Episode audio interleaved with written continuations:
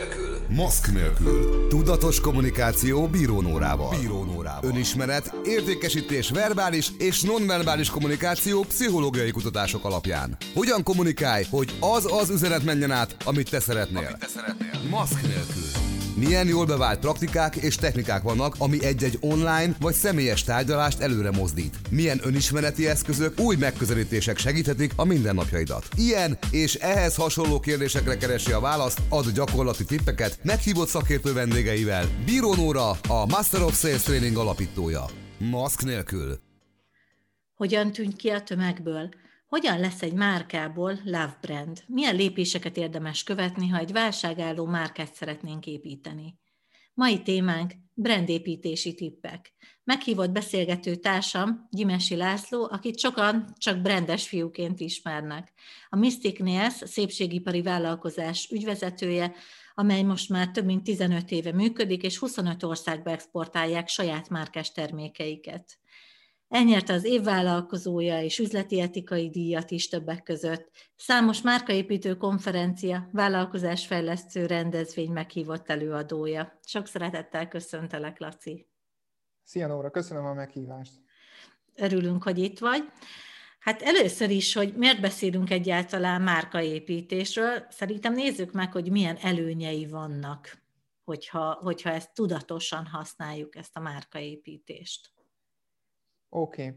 No, hát amikor a márkaépítésről kezdünk beszélgetni, én ezt az elején szeretem letisztázni, hogy a közhiedelem, vagyis a, mondjuk úgy, hogy a bevett KKV szokás, az mit is gondol a magáról a márkaépítésről. A legtöbb probléma az alapvetően onnan szokott eredni, hogy amikor azt mondom, hogy márka vagy márkázás, akkor a, a vállalkozók, illetve a cégek többsége ő azt gondolja, hogy egy márkázás, egy branding az abban áll, hogy mit tudom én, kitalálok egy logót, kitalálok annak valami arculatot, mellé bigyeztünk egy szlogent, és hogy az egésznek igazából az, az az egyetlen egy értelme, hogy ez majd megkülönbözteti a mi termékünket vagy szolgáltatásunkat a piacon a versenytárs hasonló termékétől vagy szolgáltatásától. Most alapvetően nyilván ez igaz, de önmagában ettől a márkázás sokkal többre hivatott.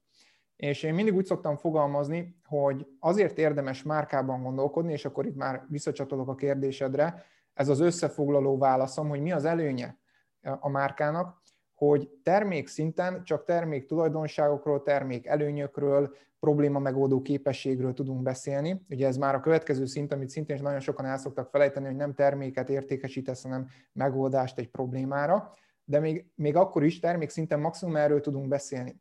Ami mit jelent, hogyha én meglátok egy nagyon jó terméket a polcon, akkor a termék tulajdonságai, előnyei és a probléma megoldó képessége alapján ha ez tényleg nekem van kitalálva és, és abszolút rám van specializálva, maximum azt az érzést fogja bennem kelteni, hogy fú, ez, ez egy tök jó termék, ez nekem lett kitalálva. Viszont, hogyha emellett a termék mellett vagy mögött van egy igazán jó brand, egy igazán jó márka is, akkor azt az érzést válthatja ki belőlem, ha ezt meglátom, hogy wow, ez én vagyok. Az pedig már egy önazonossági szint. És a kettő között a különbség, hogy fú, ez nekem lett kitalálva, vagy wow, az én vagyok, alapvetően a különbség az az érzelmi szint, az érzelmi töltetben rejlik. Az, hogy képesek vagyunk egy márkával érzelmeket, értékeket, elveket, közösséghez való csatlakozást közvetíteni, amíg termékszinten erre vagy nem, vagy csak nagyon-nagyon korlátozott mértékben vagyunk képesek. És ugye a lényeg az, hogy miért fontos ez, gyakorlatilag azért, mert minden döntésünket, és így jellemzően természetesen vásárlási döntéseinket is 99,99%-ban érzelmi alapon hozzuk meg. És ilyenkor mindig felvetül bennem a kérdés, hogy miért akar mindenki termék tulajdonságokkal meggyőzni valakit arról, hogy vegyen meg valamit, amikor tudjuk nagyon jól, hogy érzelmi szinten fog eldőlni az, hogy igent mond, vagy esetleg nemet, vagy még hezitál. Ez annyira jó, mert szinte minden podcastben előjön ez, hogy érzelmi alapon hozzuk meg a döntéseinket, és valóban, szóval ez nem is lehet kérdés, de hogyha most hirtelen műkörmökre gondolok, géllakra, sellakra, akkor ott milyen érzelmeket lehet kötni, hiszen azért ugye szépségiparban tevékenykedsz többek között, amikor éppen nem a brandről beszélsz, hogy ott, ott ez hogy néz ki? Ez a, ezt a kötődést, ezt az érzelmi kötődést hogyan tudod elérni így a mindennapokban? Igen, én a márkázást, vagy a brandinget azért tartom egy zseniális dolognak, mert ez teljesen független lehet a terméktől, vagy a termék típustól. Tehát attól függetlenül, hogy te most, nem tudom én, székeket árulsz, vagy géllakot, vagy éppen szoftvert, a termék tulajdonságtól teljesen eltérő márka értékeket tudsz bevinni, és ezt tudod kommunikálni. Tehát a kettő egymásnak nem függvénye. Én azt szoktam mondani, hogy a, a termék előnyök, megoldások, ez nyilván szóljon a termékről, a márka az viszont sokkal inkább rólad, vagy ha úgy tetszik az alapítóról, vagy a tulajdonosokról, vagy a cégről, arról kell szóljon, amiben a cég, és most itt, ha te egyéni vállalkozó vagy, akkor egyéni vállalkozó, amiben a cég hisz. Ez egy nagyon fontos dolog, több, több szempontból is, de például csak azért, mert ha egyébként nem így van, akkor nem lesz hiteles. És erre majd mondok példát, hogy, hogy hol lehet itt elbukni ebben a sztoriban, tehát ezt érdemes nagyon komolyan venni, de a lényeg az, hogy kérdésedre visszautalva, most attól, hogy én gélakot árulok, én árulhatnák, árulhatnék egyébként, nem tudom én, autófényezéshez is festéket, ugyanúgy meg tudnám oldani a márkázást, hiszen ez nem, nem termékfüggő. És mondok egy, egy egyszerű példát, ez, ez egy nagyon kedvenc példám, lehet, hogy már esetleg te is hallottad, talán a konferencián, de akik még hallgatják a podcastot, nem biztos. Van egy internetes kereső, az a neve, hogy Ecózia. Ez, ez az internetes kereső mit tud termékszinten? Nagyon jó, mit tud, nagyon jó az adatbázis, amiből, amiből merítkezik, jó, releváns találatokat hoz, mobilra van optimalizálva, én direkt kipróbáltam, zseniálisan jól működik. Ha így nézzük, termékszinten megoldja az én problémámat, nekem van kitalálva, mert az én gondom az, hogy egy gyors keresőt akarok releváns találattal, és egyébként mobilra optimalizálva. Oké, okay, szuper, ez, ez, ez nekem lett kitalálva. Igen, nem csak az ekózia, az márkát is tett mögé, és azt mondta, hogy ez egy olyan internetes kereső, amit hogyha letöltesz, akkor minden letöltés után mi ültetünk egy fát. Uh-huh. És az mhm. egész, ugye, ugye miről beszélünk? De ez az internetes kereső akik fát ültetnek. A kettő abszolút nem a termékről szól a márkaérték. Itt mi a márkaérték? Az, hogy számukra fontos a környezettudatosság, hogy őket foglalkoztatja a klímaválság. És hogyha te egy olyan ember vagy, vagy olyan fogyasztó, nem akarok pejoratív értelemben így fogyasztóról beszélni, de hogyha olyan ember vagy, aki egyébként nyitott erre a problémára, és őt is érdekli a klímaválság, és ökotudatos fogyasztó, akkor nem is kérdés, hogy ezt fogod választani, de ezt még egyszer mondom, termékszinten ezt az értéket hogy fogod lekommunikálni, hogy mi klímatudatosak vagyunk, és egyébként internetes keresőt értékesítünk. Kvázi esélytelen vagy. És én még egyszer mondom, a kereső szuper jól működik, azt érzem, hogy nekem van kitalálva funkciójában az, amire szükségem van. Na de ez ilyen értéket, hogy behoznak, vagy egy ilyen elvet, hogy mennyire fontos a környezettudatosság, az már az érzelmeimre hat, és azt fogom mondani, hogy azért választom ezt, mert ez én vagyok. Ugye ez a, ez a szint, amit azt mondom, hogy wow, ez én vagyok, ez az én ügyem, ez nekem is fontos, úgyhogy csatlakozom. És kicsit inkább így is meg lehet ezt világítani, egy termékértékesítés azt jelenti, hogy megveszik tőled a termékedet, a márka értékesítés, ha lehet így fogalmazni, az pedig azt jelenti, hogy csatlakoznak hozzád. A közösségedhez, a víziódhoz, az értékeidhez, amiben te hiszel. És akkor, hogy a hitelesség vagy sem, ugye erre mondtam, hogy majd kitérek, utálok a Coca-Colával, meg hasonló nagy cégekkel példálozni, általában sose teszem, de mégis megvan az az előnye nekik, és kicsit beszoktam hozni, mert mindenki ismeri, hogy miről van szó. És például egy ilyen podcast előadásnál nem tudok videót mutatni, vagy egyéb uh-huh. anyagot, muszáj ilyen nagyokhoz nyúlni. Ugye mindenki tudja, vagy mindenki látta szerintem már ez a Love is Love kampányát a Coca-Cola-nak, ami ugye arról szól, milyen értékek mutatkoznak meg benne, az elfogadás, a szolidaritás, a tolerancia, hogy, hogy igenis legyünk nyitottak arra, hogy a társadalom meghatározó része ők nem hetero, hanem homo beállítottságok, és, és hogy ez, ez van, és emellett kiáll. És ez így mind szép és jó, csak itt csatolnék vissza a hitelességre, hogy amikor én megnézek egy ilyen kampányt, vagy szembe jön velem egy ilyen márka üzenet, akkor valahogy bennem, ez nyilván már szakmai ártalom, az kezd el lejátszódni, hogy vajon ez mennyire hiteles. Mert hogy maradjunk annyiba, én el tudom képzelni, hogy a Coca-Cola részvénytársaságnál bármilyen döntés is születik marketing szinten, és nyilván ebben benne van a márka és a márka értékszint is, annak egyetlen egy végső célja legyen, lehet, mégpedig a részvényeseknek minél nagyobb profit elérése. Bárki bármit mondhat, nekem meggyőződésem, hogy ez így van, egy ekkora cégnél. De ez nem jelenti azt, hogy ez hiteltelen, de kérdezem én, mennyivel hitelesebb lenne, hogyha Coca-Cola vezérigazgatója jönne egy outcoming és akkor azt mondaná, hogy ő, ő egyébként homoszexuális. Tehát már megint nem ugyanarról a szintről beszélünk, mert onnantól ez, ez az ő ügye, és tök hiteles, hogy ezt átviszi uh-huh. a márkán, és azt mondja, én ezt bevállaltam, és itt van, és kész. Tetszik, tetszik, nem, nem. De én ebben hiszek.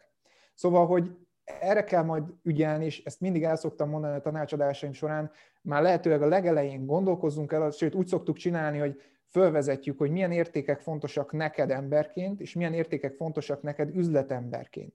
És a kettőt szépen összekombináljuk, és kiválasztjuk azokat a legfőbb értékeket, ami alapján meg kell határoznunk, hogy miről szól a márkánk. Mert még egyszer mondom, ez bármiről szólhat, ami, ami nekünk egy fontos érték és ügy. Ugye a branding kapcsán nagyon gyakran lehet azt a kifejezést hallani, hogy love brand, amikor olyan szinten kötődnek ugye a vásárlók annyira lojálisak egy adott céghez, hogy semmi pénzért nem cserélnék le. Nekem, én külső trénerként támogatom például a Nespresso Professional-t, ami szerintem a Nespresso is egy tipikus love brand, vagy az Apple-t, ami nem tudom, én se cserélném le semmi pénzért az iPhone-omat és az összes iKészülékemet, de hogy szerinted mi kell ahhoz, milyen lépések kellenek ahhoz, hogy egyrészt egy tudatos márkatervezés legyen, és amikor már, mert lehet, hogy a hallgatók között is van olyan cégvezető, akinek már van egy bejáratott márkaneve, de szeretné egy szinttel tovább emelni, hogy egy love brand legyen, hogy mi kell hozzá. Most a love brand az, az a kedvenc vonalam, ha lehet így fogalmazni. Mi is ebben utazunk, ha, ha, ha lehet így egy kis insightot adni. A Mystic ezzel magával, ugye, ami alapvetően az én fő tevékenységem, és amit ugye az elő, el, előzetesben el is mondtál, hogy 15 éve ezt csináljuk, és saját márkát építünk és értékesítünk gyakorlatilag külföldön, nemzetközi szinten. És mi is ebben a Love Brand történetben utazunk. Nagyon egyszerűen meg tudom fogalmazni, legalábbis remélem, Ugye miről beszéltünk eddig? Arról beszéltünk, hogy a márka abban több a terméktől, hogy képes az érzelmekre hatni.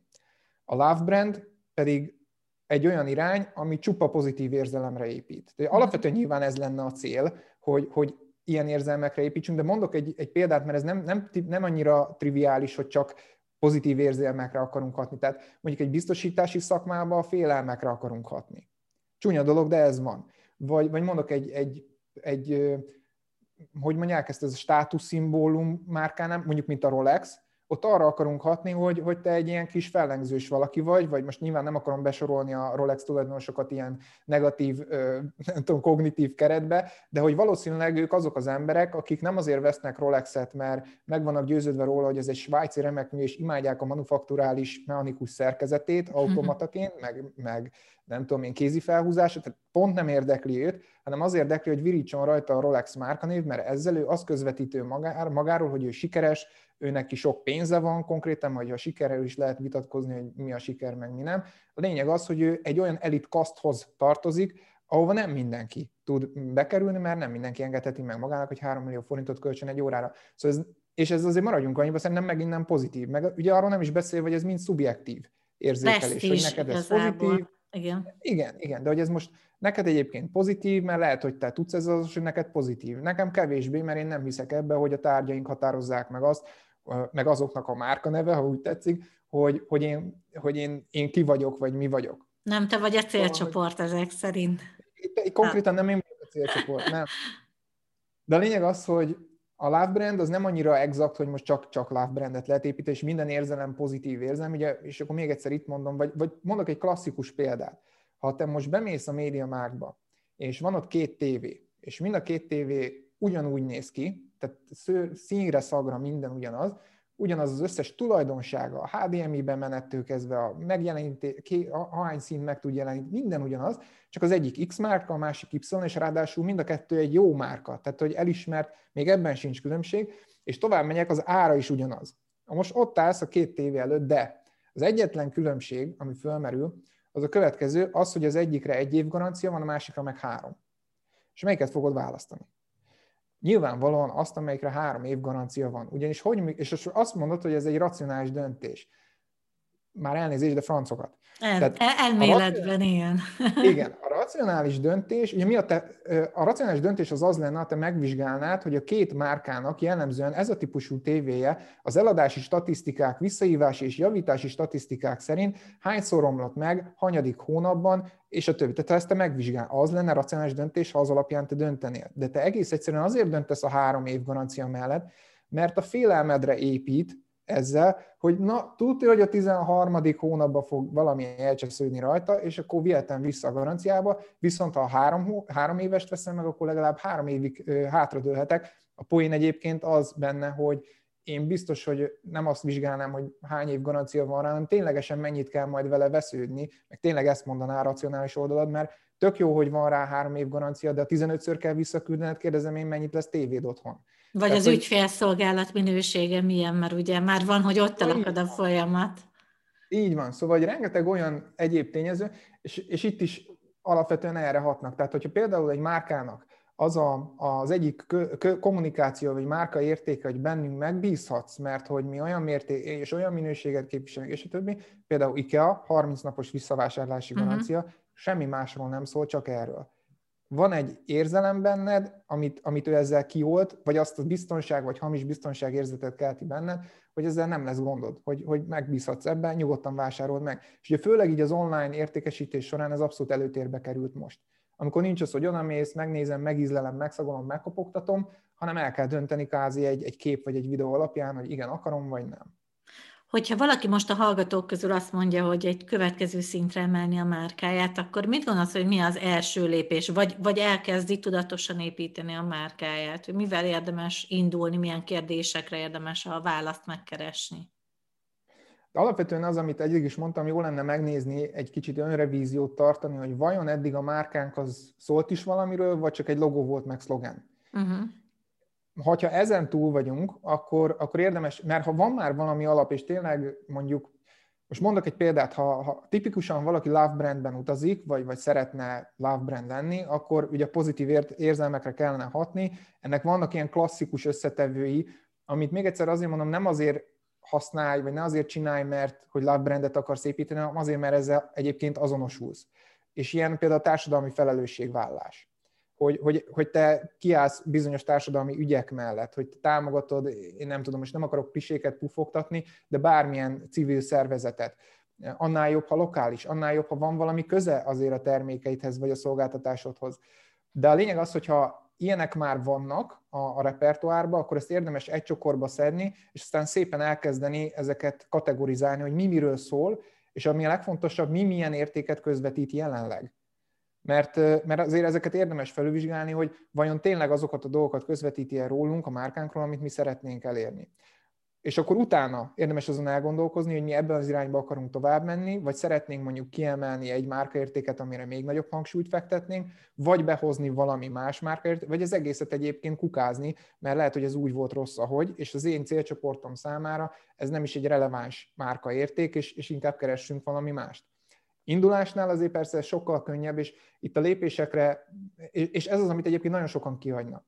Tehát, hogy, hogy nem, nem is gondolnak erre, és és utána baromi nehéz tud lenni újra pozícionálni egy márkát, vagy, vagy elkezdeni azt, hogy jó, eddig mi ebben hittünk, de most már ebben hiszünk. Szóval, hogy még ilyenkor mindig azt szoktam mondani, hogy nekem még az a jobb, hogyha tényleg csak egy logó meg egy szlogán van, mert azon sokkal könnyebb változtatni, igazi értékekkel utána tartalommal megtölteni, mintha eddig valami más irányba ment volna az egész, és azt meg kell reformálni. Szóval kell a tudatosság, és ez lehetőleg már a legelején, de nincs olyan, hogy most ne lehetne új irányt venni, mert azért, és akkor visszacsatolok itt a Coca-Cola-ra is, gondoljunk bele, hogy mondjuk 15 évvel ezelőtt miről szólt egy Coca-Cola reklám? Arról, hogy ilyen összehasonlító reklám volt, tudod, hogy így kitettek két pohár kólát uh-huh. a, az asztalra, és akkor bement az űrge, és akkor megkóstolgatta, hogy megtippelje, hogy ez Coca-Cola vagy Pepsi. Akkor még engedték ezt az összehasonlítást is reklám, és erről szólt a termékről. Most meg már aztán volt egy olyan életérzés, hogy ott van a családi együttléteknél a Coca-Cola, a karácsony, a télapó, jön a kamionnal, ez már rég nem a termékről szól. És most meg ott tartunk, hogy love is love. Tehát, hogy nem mondom azt, hogy ez 26 évig ugyan, ugyanaz kell, hogy legyen, de nyilván azért nem baj, ha ez egymásra épül, de lehet irányt váltani, és lehet új aspektusokat behozni. Egyébként így a Coca-Cola-ról most beugrott egy ilyen klasszikus betiltott reklám, ahogy egy kicsit így a pszichológiára is evezzünk, amikor nem, nem tudom, hogy erről hallottál, ez is egy ilyen neuromarketinges megoldás volt, hogy egy másodperc töredéke ideig egy sivatagot vetítettek a Coca-Cola reklám közben, hogy ugye az arra asszociáljon az agyunk, hogy hát ugye ha szomjas vagyok, Coca-Cola, tehát ugye mit, mi mást vehetnék én a boltba, aztán, aztán ezt tényleg annyira manipulatívnak gondolták, hogy, hogy betiltották, de nyilván ez is a, az érzelmeinkre, meg tudatalattira hat, amiről beszélgetünk. Hogyha egy kicsit más vizekre evezünk, ha, ha, ha már folyadék, ha már kóla, ha már víz, akkor hogyha átmegyünk így az egyének szintjére, mert hogy most ugye arról beszéltünk, hogyha van egy kis vállalkozás, akkor hogyan tudja a márkáját tudatosabban építeni. Mi a helyzet az én márkaépítéssel? Mennyiben különbözik mindez? Mert hogy erről is most már az elmúlt években sokat lehet hallani, hogy építsünk személyes már. Nekem is van egy podcast adásom arról, hogy például a LinkedIn-en hogy érdemes személyes márkát építeni. De hogy mit gondolsz, hogy mik a legfőbb különbségek mondjuk egy céges márkaépítés és az én márkaépítés között? Még milyen megválaszolom, csak nem, nem akarok elmenni a, a sivatagos példám mellett. Ez egy, ez egy nagyon jó dolog, és tökre jó, hogy behoztad, és gyakorlatilag kimondtad a lényeget, hogy a tudatalattira hat. És ugye ott, ott fogalmazódnak meg ezek az érzések, és ezt le sem, le sem vá, tehát nem, nem, nem veszed észre, hogy mi történik veled. Erre én nekem hallottam, hallottam egy számot, ami nagyon, nagyon lesokkolt, és azért érdemes, ezt csak szeretném elmondani, hogy úgy képzeld, hogy egy másodperc alatt több mint 11 milliárd impulzus éri az agyunkat, egy másodperc alatt 11 milliárd impulzus, nyilván a legapróbb mikroimpulzus, de ez ennyi, amiből nagyságrendileg 40 tudatos.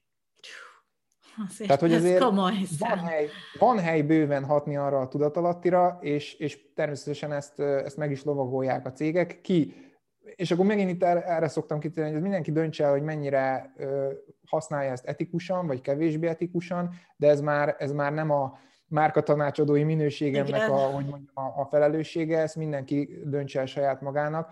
Természetesen én azért hozzájárulok ahhoz, hogy ez az irány rendben legyen, de, de hogy óriási a veszélye és a lehetősége. Na de akkor visszatérve a kérdésedre az én márkát illetően, ezen egyébként nekem ez egy, egy dilemma volt nagyon sokáig, amíg nem kezdtem el ezt a tevékenységet, mint márkatanácsadó vagy mint üzleti tanácsadó, addig én a cégemben viszonylag háttérben voltam, mint ügyvezető. Nálunk ez úgy néz ki, hogy ugye mi műköröm alapanyagot gyártunk és forgalmazunk saját márkanévvel.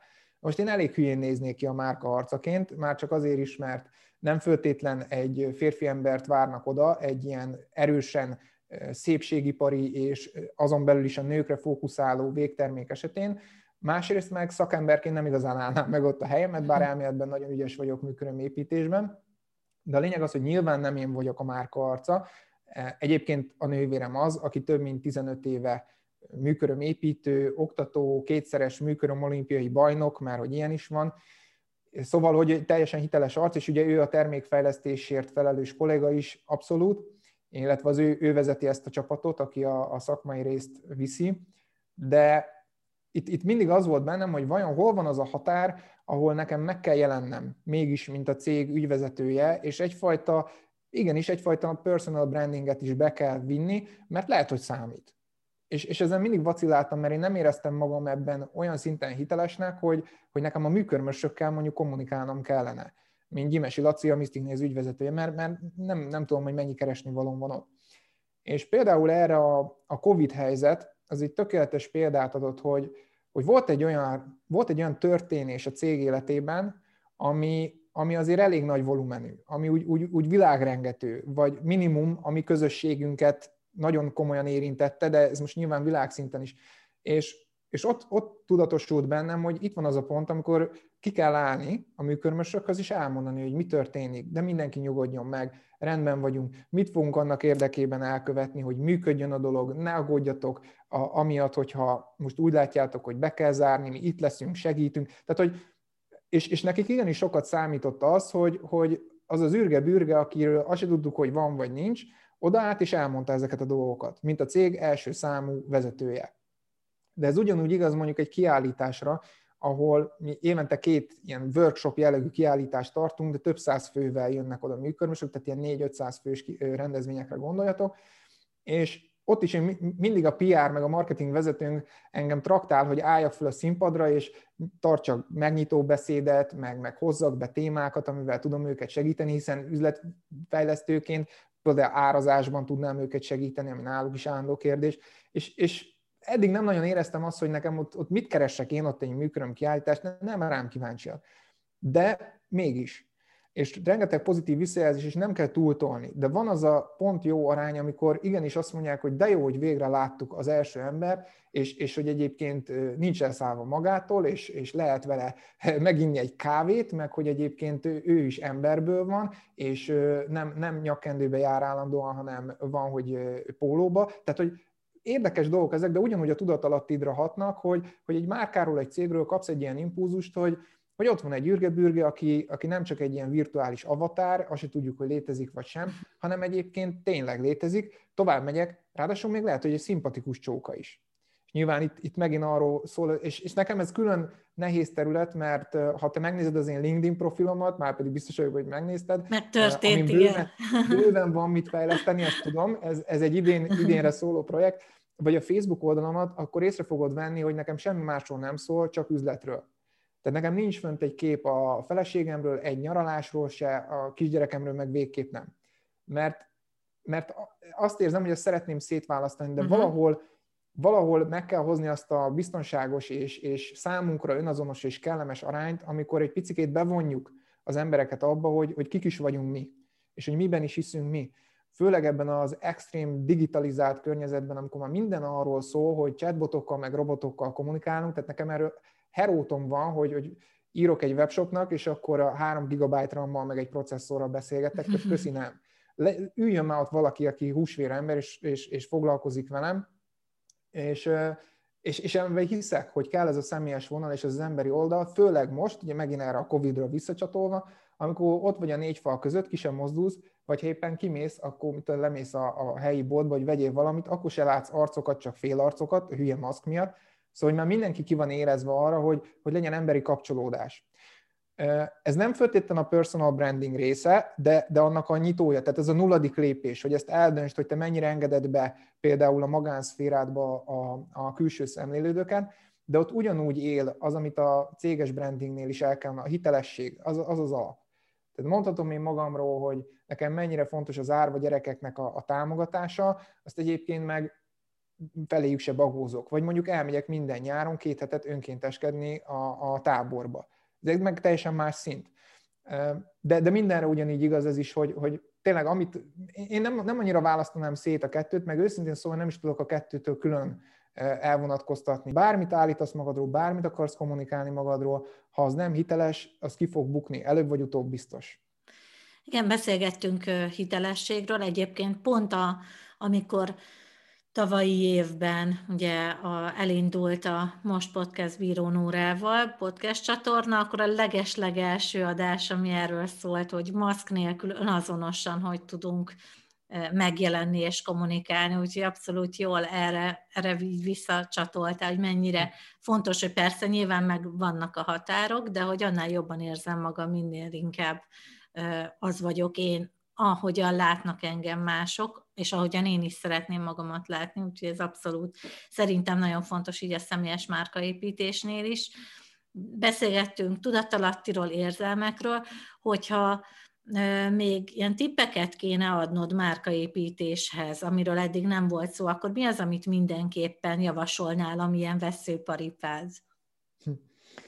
Hát az egyik az, bármilyen kiábrándító is lesz, az a jogi oldal. Tehát, hogy ez az a rész, hmm. ahol elvesztettük a hallgatóinknak a 40%-át, bocs Nóra, de gyors leszek, eh, tehát ott szokott megbukni eleve a dolog, hogy amikor már kész márka van, hogy fölkeresnek, hogy nekünk ez egy tíz éve bejáratott márka, első dolgom, rákeresek a védjegy adatbázisba, természetesen három másik versenytársnál be van jegyezve. Uh-huh. Ez gyakorlatilag azt jelenti, hogy egy nyaktilóba benne van a fejed, bármikor jöhet az a bizonyos penge, aztán vége a dalnak. Szóval, hogy ezt ennyit érdemes erről beszélni, akit érdekel a részlet, majd keressen meg, elmondom, de, de azért legyen ez a nulladik lépés, hogy vezessünk be egy új márkát, szuper, sőt, ne is csak Magyarországon legyen nemzetközi, oké, okay, szuper, na akkor egyre nagyobb adatbázis, egyre nagyobb keresés, egyre több pénz, ez a nulla. Tehát, hogy ez, ennélkül el se kezdjük.